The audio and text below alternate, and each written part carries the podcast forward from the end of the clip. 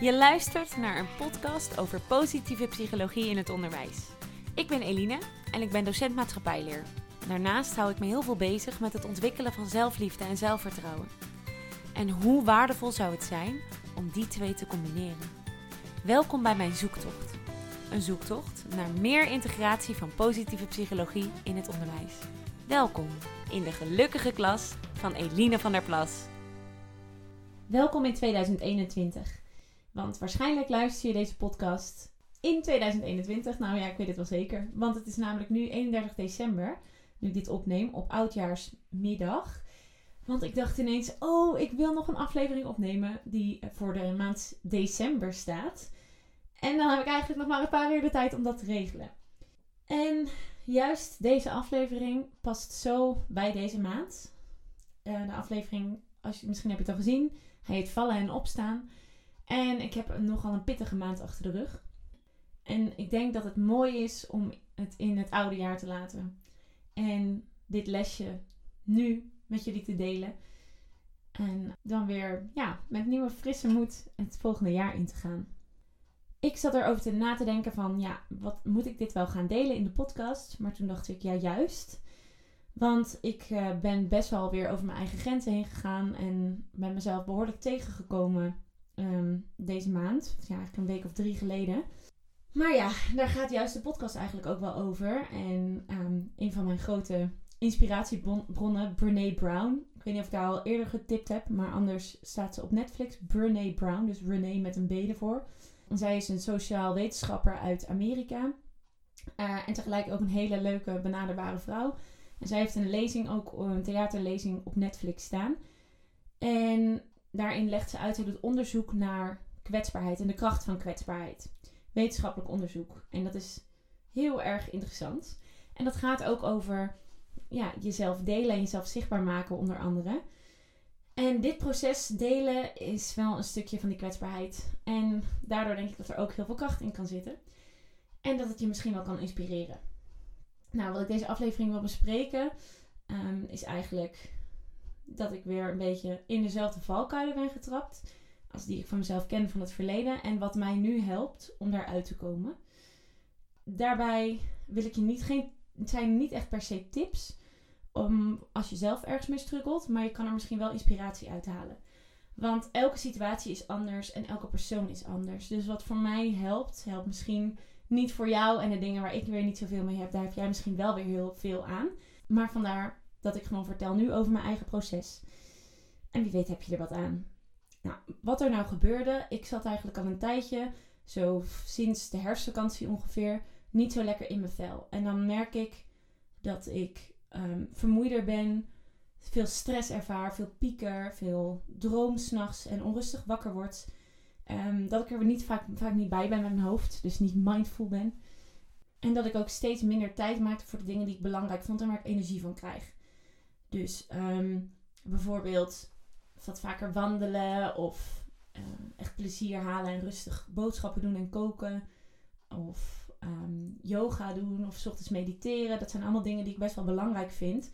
En als het goed met me gaat, implementeer ik dat goed in mijn leven. En als het dan wat drukker ga krijgen en wat minder goed gaat en wat meer uit balans gaat, dan merk ik dat daaraan. Nou ben ik al best wel vaak in mijn leven tegen bepaalde grenzen aangelopen. Ik heb natuurlijk in de eerste aflevering over verteld dat ik een burn-out heb gehad.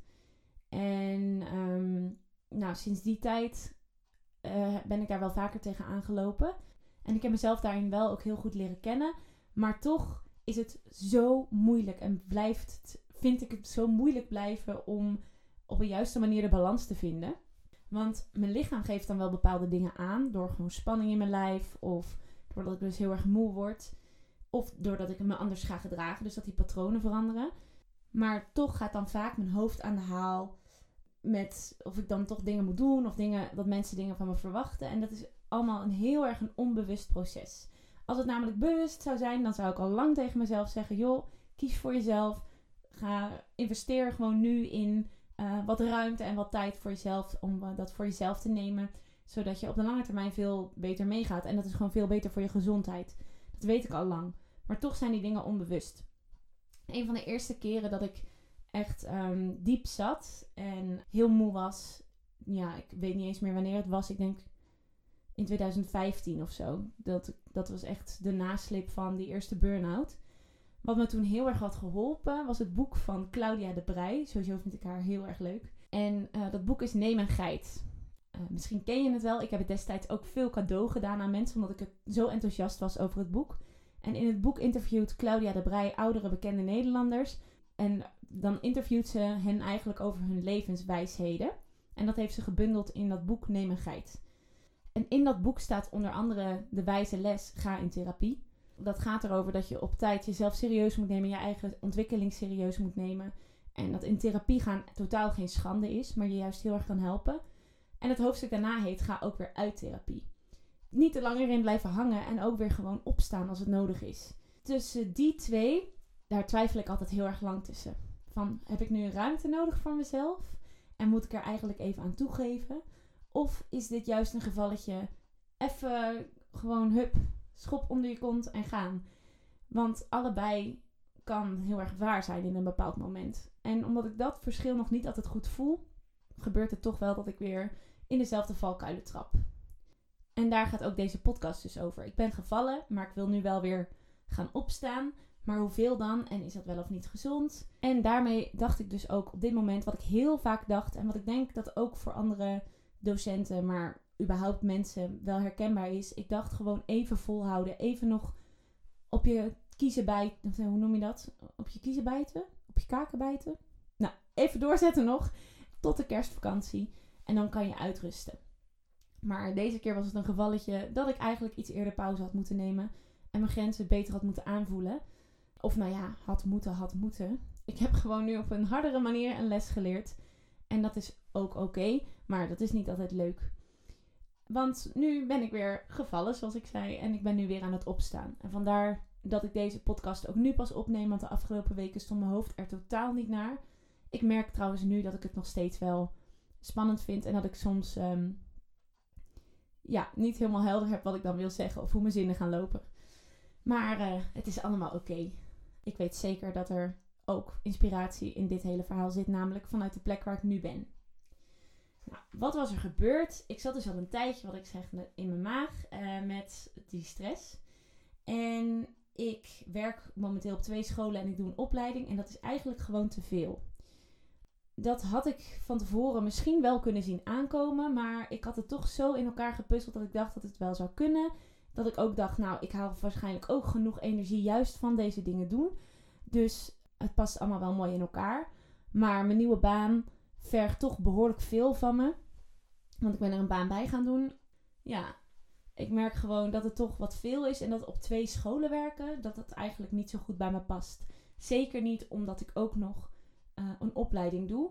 En daardoor heb ik een beetje het gevoel gehad de afgelopen weken dat er continu drie tabbladen in mijn hoofd aanstonden. En dat ik mijn focus kwijt was. En dat ik continu eigenlijk iets aan het doen was, terwijl ik met mijn hoofd alweer bij wat anders was. Nou, dat vreet natuurlijk ontzettend veel energie.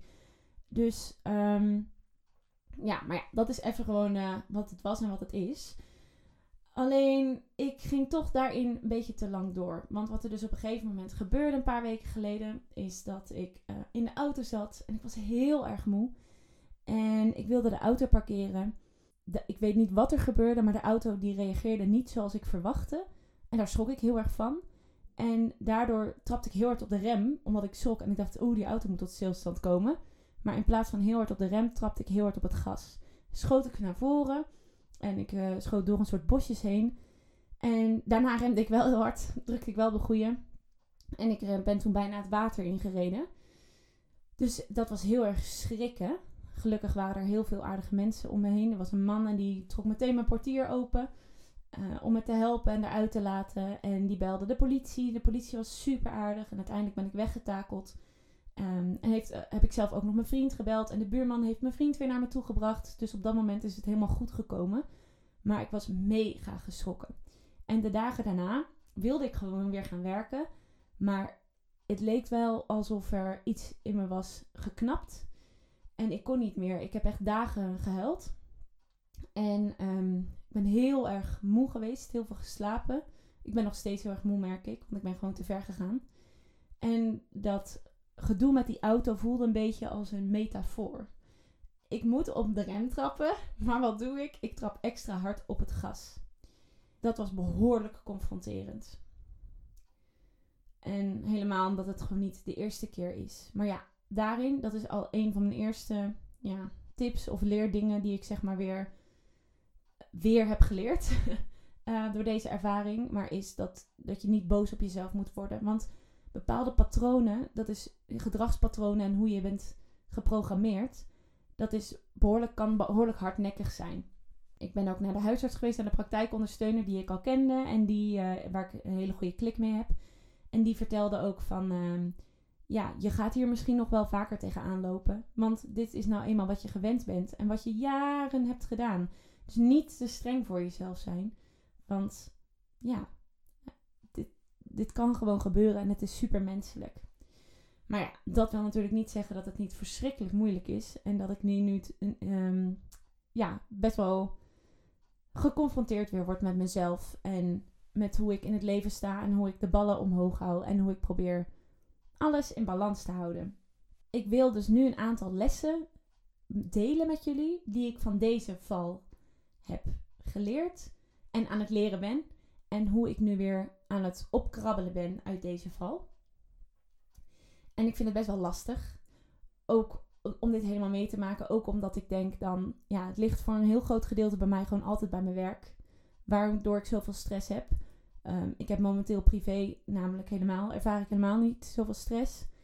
En ik ben juist heel erg blij met de mensen die ik om me heen heb. Dus daar heb ik ook echt wel geluk mee. En ik ben heel erg blij met het huis waar ik in woon bijvoorbeeld. Dus het is echt um, die stress van mijn werk. En daarmee vind ik het heel dubbel. Want ik heb natuurlijk in het verleden een baan gehad die veel minder goed bij me paste. En het onderwijs is echt wel iets wat ik heel leuk vind. Ik bedoel, hallo, ik ben er zelfs een podcast over aan het maken. Om andere mensen enthousiast over te maken. Oh, dat was vuurwerk trouwens, als je dat hoorde op de achtergrond. Want het is uh, oudjaarsavond. Maar toch twijfel ik heel vaak van, oh ja, ben ik niet bijvoorbeeld te gevoelig voor het onderwijs? Vreet het niet te veel aan me? Ik ben iemand die veel te veel verantwoordelijkheid op zich neemt. En dat zit best wel in me en daar ben ik wel aan het werk. Maar dat is in het onderwijs niet altijd een prettige eigenschap. Want ja, je kan je werk altijd beter doen. Dus een bepaald perfectionisme, dat, dat duikt dan weer op op momenten dat ik juist stress ervaar. En dat is soms best wel moeilijk om mee te dealen. En ik twijfel gewoon dan heel erg aan mezelf. Ben ik wel een goede docent? En um, ja, regel ik de dingen wel op een goede manier in mijn leven. En ook met deze podcast. Dus van ja, oh, zit ik nou anderen te vertellen hoe ze. Ja, nou, en dat doe ik helemaal niet. Want ik vertel in deze podcast helemaal niet hoe een ander dingen moet doen. Ik neem jullie juist mee in mijn proces. Omdat ik mijn proces graag wil delen. En daar hoort dit gewoon bij. Maar die twijfels zitten daar allemaal wel heel erg in. En aangezien dat heel menselijk is en heel herkenbaar, dacht ik, ik deel het. Nou, een aantal lessen die ik nu weer heb geleerd, wat me mega heeft geholpen. En het klinken allemaal als open deuren, maar wow, wat heb ik er toch weer veel aan gehad om het nu even mee te maken. De eerste is vraag hulp. Deel wat er in je omgaat. Ik blijf er toch altijd te lang mee rondlopen in mijn eentje. Terwijl toen dit ongeluk gebeurde, heb ik het tegen een aantal vriendinnen verteld. Nou, tegen mijn vriend en mijn moeder en mijn, uh, mijn zusje, gewoon mijn familie. Heb ik verteld natuurlijk wat er in me omging. Maar ook gewoon bijvoorbeeld bij het auto-ongeluk. Dat die politie die er um, bij was, of die voorbijgangers die ik helemaal niet ken, die me te hulp schoten. Mensen zijn zo lief. En mensen kunnen je, kunnen je echt helpen en veroordelen je niet ja, wat ik al zeg, dit klinkt misschien heel erg suf en als een open deur, maar toch merk ik dat bij mij een patroon is dat ik dan toch het gevoel heb dat ik het alleen moet doen. En dat, anderen, dat ik onbewust denk dat anderen dan iets van me vinden.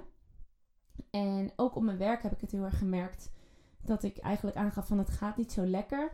En bij beide werkgevers zijn dan reageren zo lief en zo begripvol en zo met me meedenken. Neem je tijd. We gaan het na de vakantie eens erover hebben. Even kijken van hoe welke dingen um, liggen er misschien nu op je bordje die te veel zijn. Dus mensen zijn super bereid om te helpen als je deelt wat er in je omgaat. Heel logisch, maar echt, ja, zeker als je iemand bent die bang is voor veroordeling van anderen, probeer het maar eens uit. En het zal je verbazen, in ieder geval het verbaast mij dan, en dat is mijn ervaring, dat mensen je helemaal niet veroordelen, maar juist super behulpzaam zijn. En naar je willen luisteren en met je mee willen denken. Bij hulp vragen zit ook een stukje durven ontvangen. Ik, dat heb ik vooral heel erg nu gemerkt. Dat op het moment dat je aangeeft dat het niet zo goed gaat, dat mensen er ook voor je zijn, maar dat je dat ook durft te ontvangen. Ik had bijvoorbeeld tegen wat vriendinnen verteld uh, van mijn opleiding, omdat ik ook op dat moment, dat is eigenlijk een van de weinige plekken waar ik naartoe, natuurlijk nu naartoe ga. Heel veel vriendinnen zie ik niet vanwege de coronamaatregelen. Maar mijn opleiding is gewoon live. Dus die vriendinnen zie ik dan wel. Dus daar had ik tegen gezegd ook van, oh ja, het gaat nu even niet zo goed met me. En die hebben me een kaartje gestuurd. En uh, een uh, doos vol met Tony uh, chocoladerepen. En toen ik die kreeg, kreeg ik in eerste instantie had ik echt een knoop in mijn maag. Omdat ik echt dacht, nee, nee, nee, zo slecht gaat het nou ook weer niet. En dit hadden jullie echt niet hoeven doen. Terwijl ik dat echt met dat gevoel even ben gaan voelen en ben gaan omzetten in een nee, dit is het dus. Je mag dit ontvangen. Het is, ook, het is fijn ook voor hen dat ze iets voor mij kunnen doen. Het is super fijn voor mij om die liefde te voelen. En um, ja, gewoon even van, van een paar vriendinnen te horen wat je totaal niet verwacht van. Het is oké, hier een knuffel op afstand en een klein cadeautje omdat we aan je denken. Dat is zo fijn. En het is zo fijn als je dat kan ontvangen. Zowel voor jezelf als voor een ander. Want hallo, hoe prettig is het als jij een ander met iets heel kleins eventjes gelukkig kan maken of een steuntje in de rug kan geven of even kan troosten. Dan vind ik het ook fijn als die ander dat kan ontvangen. Dus met het hulp vragen hoort ook daarna vervolgens de hulp ontvangen. En dat was er dus echt wel even eentje deze keer waar ik wat moeite mee had. Dan ehm, nog een. Nou, gezellig wel dat vuurwerk op de achtergrond. Ik weet helemaal niet of jullie dat horen. Maar dan nog een, um, uh, een, een vervolgtipje dat daarbij hoort. Zoek ook een coach of een therapeut. Ga in therapie. Eigenlijk precies die les uit dat boek wat ik vertelde van Claudia de Brij. Durf in therapie te gaan. Ehm, ik merk zelf dat elke keer als ik... De eerste keer dat ik er tegenaan liep, ben ik ook echt in therapie geweest. En was dat heel zwaar. Um, vond ik dat heel zwaar destijds. Omdat ik heel erg geconfronteerd word met mijn gedachtenpatronen. En ja, gewoon met de manier waarop ik naar de wereld keek. Ik, dat was toen heel confronterend. En sinds die tijd heb ik een aantal keer coaches gehad of trainingen gedaan of in therapie geweest. Wat me elke keer zoveel heeft geholpen. En dit keer ga ik dat ook doen. Ik heb me weer aangemeld voor een coaching bij iemand die ik heel fijn vind. Um, die ken ik al. Ik heb al een aantal keer bij haar ben ik ook bijvoorbeeld onder hypnose geweest. Nou, dat is ook super interessant, eh, vind ik. Want onder hypnose ga je zeg maar de dingen die onbewust zitten in je hoofd. Um, daar krijg je de kans om die bewust te maken. Dan zeg ik het waarschijnlijk nog niet eens helemaal goed. Want soms wordt het helemaal niet bewust. Maar worden gewoon onbewust dingen gefixt. Gewoon stress waar je mee zit. Oude emoties. Gedragspatronen die eigenlijk helemaal niet goed voor je zijn. Maar die door je onbewuste aangestuurd worden en door dingen getriggerd worden om je heen, waar je je dus niet bewust van bent. Want het is gewoon een feit dat superveel van de informatie die we om ons heen hebben, dat die niet bewust wordt verwerkt of opgeslagen. Want ja, dan zou je helemaal gek worden. Het is veel te veel informatie. En ik heb dus een beetje ervaring uh, bij haar en ik voel me heel erg goed bij haar. En vandaar dat ik bij haar dus heb besloten uh, coaching te gaan doen. Met name over je leven in balans krijgen. Uh, gebaseerd op veel technieken uit NLP. Dat is neurolinguistisch programmeren. En dat gaat er heel erg over hoe je je mindset kan instellen. En hoe je, um, welk, welke invloed zeg maar, je daar zelf op hebt. En die onbewuste patronen die eigenlijk niet zo goed voor je werken. Om die om te buigen naar patronen die veel gezonder voor je zijn en beter voor je werken. Nou, alleen al me daarvoor aanmelden en dat soort dingen uitzoeken geeft alweer energie en helpt natuurlijk bij dat opstaan. Natuurlijk moet ik hier ook wel weer, of moet, is het hier ook wel weer het gevaar dat je te snel eroverheen stapt. Dus het is ook heel fijn, vind ik, heb ik ervaren, om de afgelopen tijd ook heel veel ruimte te nemen voor alle emoties die er zijn en de vermoeidheid. En gewoon lekker veel te huilen. Dat helpt ook heel goed. En gewoon helemaal bij jezelf te blijven en heel erg goed te voelen van waar heb ik nu behoefte aan? Wat heb ik nu nodig? En daarnaar te luisteren en jezelf die ruimte te geven. Maar ja, hulp is daarbij super prettig. En zoek daarbij iemand, dat is echt wel een tip die ik je kan geven, waar je je dus echt goed bij voelt. Want het kan zijn dat je misschien, ehm, als je in therapie gaat voor het eerst, dat je gewoon toegewezen wordt aan iemand. En dat is naast dat hij therapeut is en misschien zijn werk heel goed doet, ook een mens. Je kan nou eenmaal gewoon wel of geen goede klik hebben met zo iemand. En ik heb gemerkt door de verschillende coaches en therapeuten die ik in mijn leven heb gehad, dat het mega belangrijk is dat je zo'n klik met iemand voelt. En misschien is het voor jou juist heel erg belangrijk dat iemand wat afstandelijker is, of is het voor jou heel erg belangrijk, ja, wat voor gevoel iemand je geeft. Maar neem dat serieus, want je zit daar voor jezelf. En ik heb bijvoorbeeld uh, op het begin wel eens een therapeut gehad en die stelde mij soms best wel vragen waardoor ik niet helemaal eerlijk antwoord durfde te geven. Nou, maakt het helemaal niet uit. Hè. Dat ligt niet per se aan haar of aan mij. Maar het feit was dat de manier waarop zij vragen aan mij stelde, ik dacht, oh, nou, dan is het misschien wel heel erg gek. Bijvoorbeeld, ik zat toen nog heel erg, struggelde toen nog heel erg met eetbuien. En um, met, ik had een hele ongezonde relatie met eten. En dan zei zij bijvoorbeeld, maar het is toch niet zo dat je speciaal naar de supermarkt gaat om eten te kopen en dat bijvoorbeeld op te eten, toch? het valt toch wel mee, want zij, wilde toen heel erg focussen op mijn uh, energie en focus, uh, mijn energieprobleem, mijn burn-out. Um, terwijl dat wel heel erg aan de hand was bij mij. Maar ik durfde dat toen niet meer te zeggen. Omdat ik dacht, oh, dit zal wel heel gek zijn of gênant. Terwijl, dat is natuurlijk helemaal niet zo. Want het is nou eenmaal wat er met jou aan de hand is. En het is nou eenmaal waarvoor je daar zit en hulp wil vragen. Dus je mag helemaal jouw eigen perspectief en jouw eigen versie vertellen. Maar dat remde mij destijds heel erg. Stel je voor, ik zou dat nu voelen bij iemand. Zou ik denk ik sneller denken, oh nee, ik ga naar iemand anders. Deze persoon kan misschien iemand anders weer heel goed helpen, maar ik heb behoefte aan iemand anders. En dat is nu ook weer. Ik heb dus nu een coach gevonden waarbij ik me super goed voel. Die precies in de dingen begeleidt waar ik nu heel erg in geïnteresseerd ben. Dat NLP dus, uh, dat hypnose onbewust.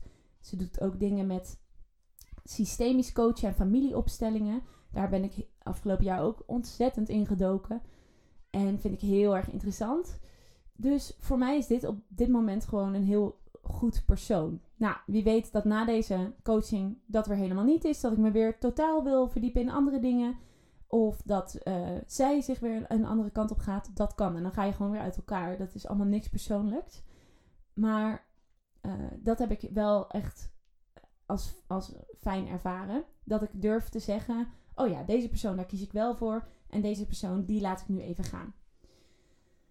Dan een tip die eigenlijk ook weer aansluit bij de afgelopen twee, waarvan ik heb gemerkt dat die gewoon heel fijn is en heel goed helpt. Dat is wees assertief. Nou, ik weet nog dat ik een keer tijdens een stage te horen kreeg dat ik assertiever moet zijn. En dat ik dacht, help! Ik hoe dan? En dat wil ik helemaal niet. Want bij assertief had ik heel erg het beeld van... Uh, ik moet brutaler zijn, weet je wel, meer zeggen en, en wat harder zijn eigenlijk. Weet je wel, duidelijker, bam, hier ben ik met mijn initiatief. En uh, luister naar mij, kijk naar mij. En daar voelde ik me mega ongemakkelijk bij. Het voelde schreeuwerig, het voelde ja, gewoon helemaal niet als wie ik ben. Dus daar heb ik een tijdje mee geworsteld. Maar op een gegeven moment hoorde ik van iemand zo'n mooi, zo'n mooie uitspraak. Ik weet niet of ik hem al gedeeld heb trouwens, want ik heb het wel over deze man gehad, Leo Bormans. En die vertelde: assertiviteit, dat is uitspreken wat je wensen zijn. En sinds ik hem op die manier interpreteer, wees assertief, spreek gewoon uit wat je wensen en je behoeften zijn. Die helpt me zo erg. Ik heb deze keer ook um, de afgelopen week, ik was dus bij de, uh, toen, het, toen ik dat ongeluk had gehad, of nou ongeluk vind ik zo heftig klinken, maar toen ik dat met die auto had gehad, toen ben ik naar de huisartspraktijkondersteuner geweest meteen. Omdat ik dus van eerder al wist van, hé, hey, dat vind ik een fijne vrouw. Daar kan ik meteen even mijn ei kwijt. Hoef ik geen weken voor op te wachten of weken uh, met haar te spreken voordat het eigenlijk uh, pas to the point komt. Dus ik kon uh, vrij snel bij haar terecht. Dat was heel fijn. En met haar heb ik ook een lijst opgesteld van wanneer ben ik nou, zit ik nou in het groen. Um, dus ben ik gewoon qua energie lekker in balans en voel ik me gewoon prettig in mijn lijf en vitaal. Wanneer kom ik in het oranje? Waar merk ik dat aan? Ik heb bijvoorbeeld dat ik s'avonds als ik mijn kleren uittrek, dat ik ze op de grond gooi, heel vaak. En als die stapel naast mijn bed groeit, dan weet je dat mijn stress ook groeit. Ehm, dat is voor mij bijvoorbeeld een heel duidelijk concreet iets waaraan je kan zien: hé, hey, ze heeft het niet helemaal lekker op een rijtje in haar hoofd. De focus is all over the place. Want niet alleen dat ik in mijn hoofd het dan niet meer opruim, ik ruim het dan ook om me heen niet meer op. Dus nou, dat soort dingen heb ik opgeschreven dan bij Oranje. Van waar merk je nou aan dat het wat minder gaat? En wanneer zit ik echt in het rood? En wat moet ik dan doen? En daarbij staat ook een vragenlijst van wat kan mijn omgeving doen? En het kan zo helpen om daarover na te denken. En dat bedoel ik met die assertiviteit. Ik heb bijvoorbeeld opgeschreven voor mezelf, nou, in wat kan, uh, kan mijn omgeving doen? Ik vind het heel fijn als mijn omgeving me stimuleert om mee naar buiten te gaan. Want ik merk als ik de hele dag binnen zit, dan word ik helemaal gek. Dan worden mijn gedachten gewoon, uh, ja, dan wordt het nog veel groter. En zodra ik een wandeling heb gemaakt, nou ja, 9 van de 10 keer lost dat gewoon, dan geeft het al een beetje lucht. Letterlijk en figuurlijk. Maar, nou kan het ook zijn dat je juist super moe bent en gewoon even heel erg behoefte hebt aan veel slapen en aan veel letterlijk binnen zijn. En niet geconfronteerd worden met andere mensen, bijvoorbeeld buiten. En dan is dat ook oké natuurlijk om naar te luisteren af en toe en je daar aan toe te geven.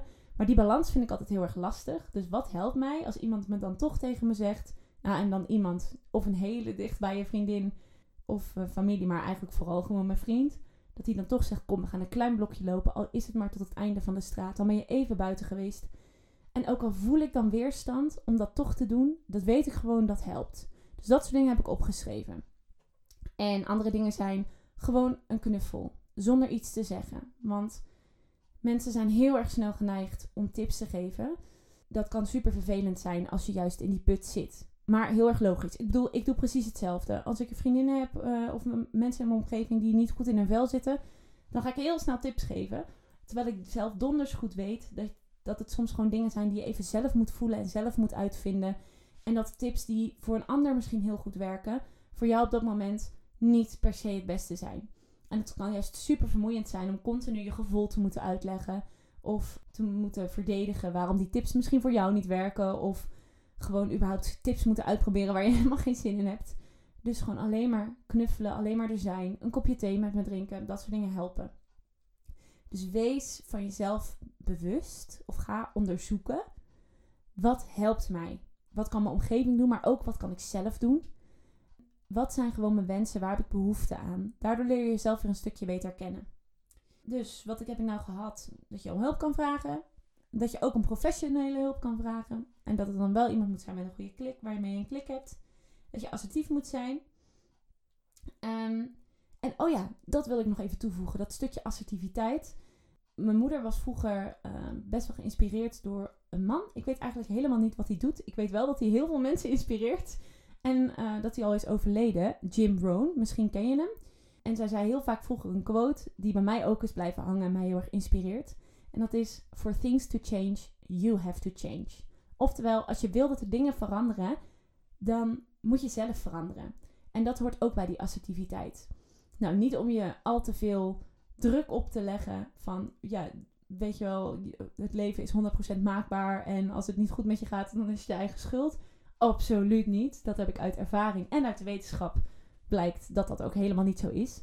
Maar wel als je iets wil veranderen, zoek het bij jezelf. Kijk wat je zelf kan doen. Want een ander, daar heb je geen controle over en over jezelf wel.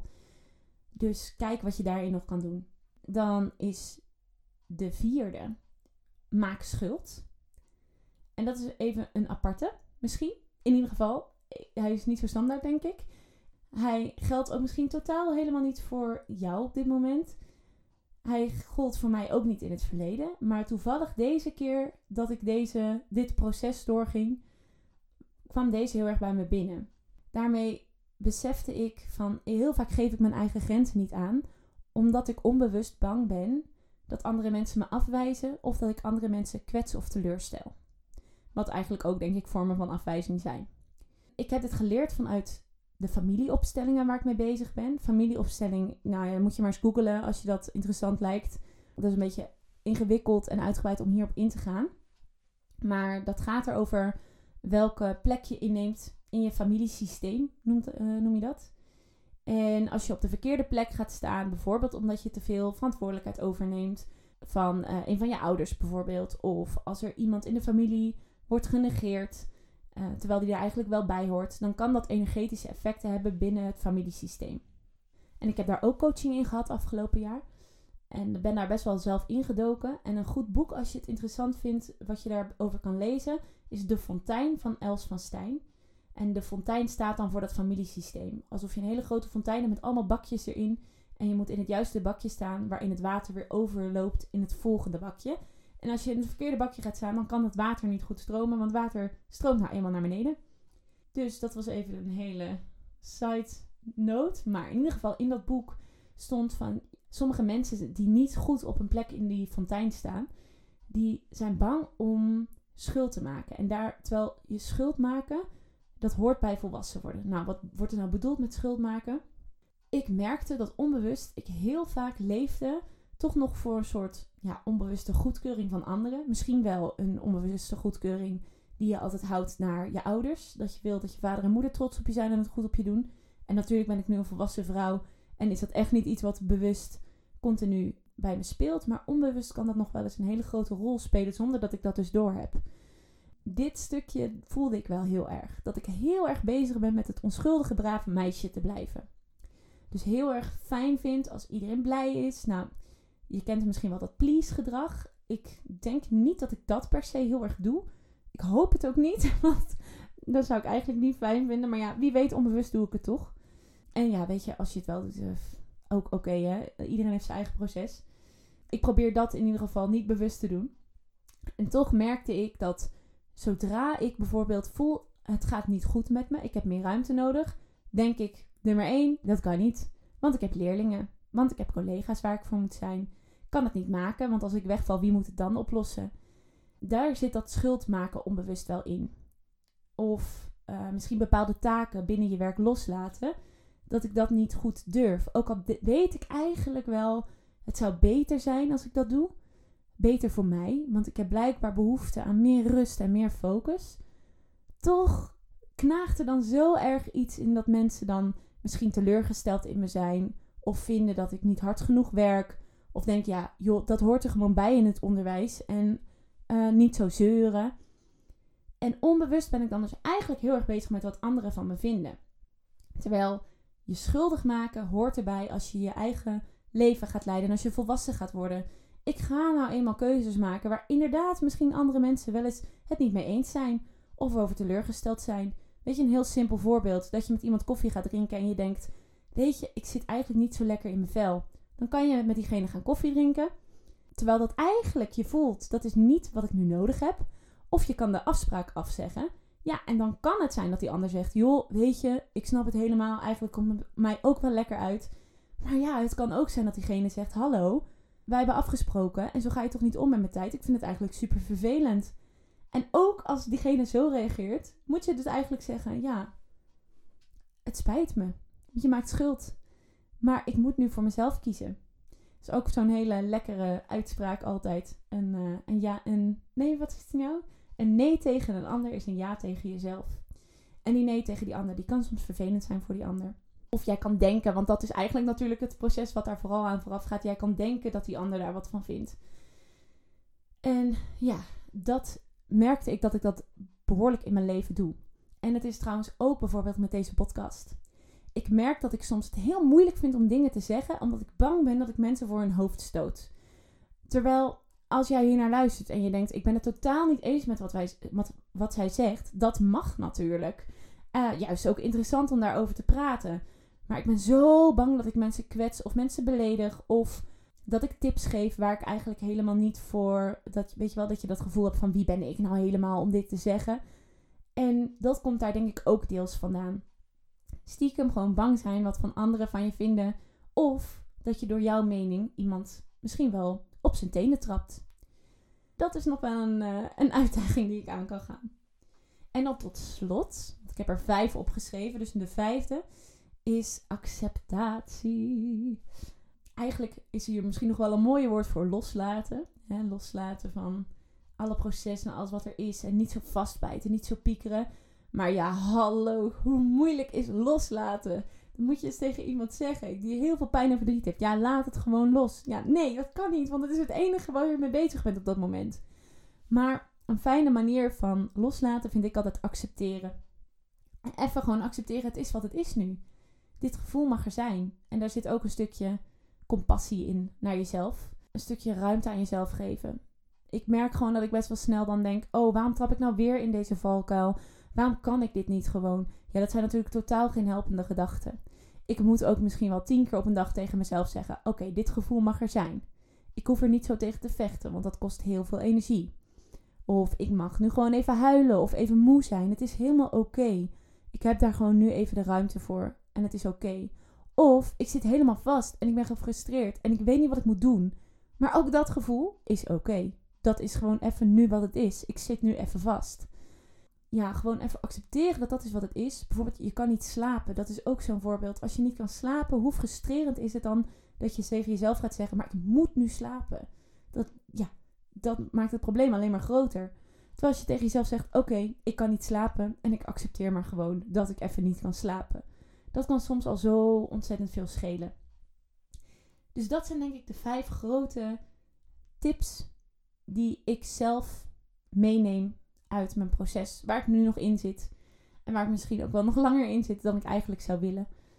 Maar misschien ook wel niet. Misschien ehm, heb ik het volgende podcast alweer over dat ik hierop terugblik. Um, beide is goed. Want ja, hè, acceptatie. Laat ik mezelf die tip dan nu meteen maar weer geven.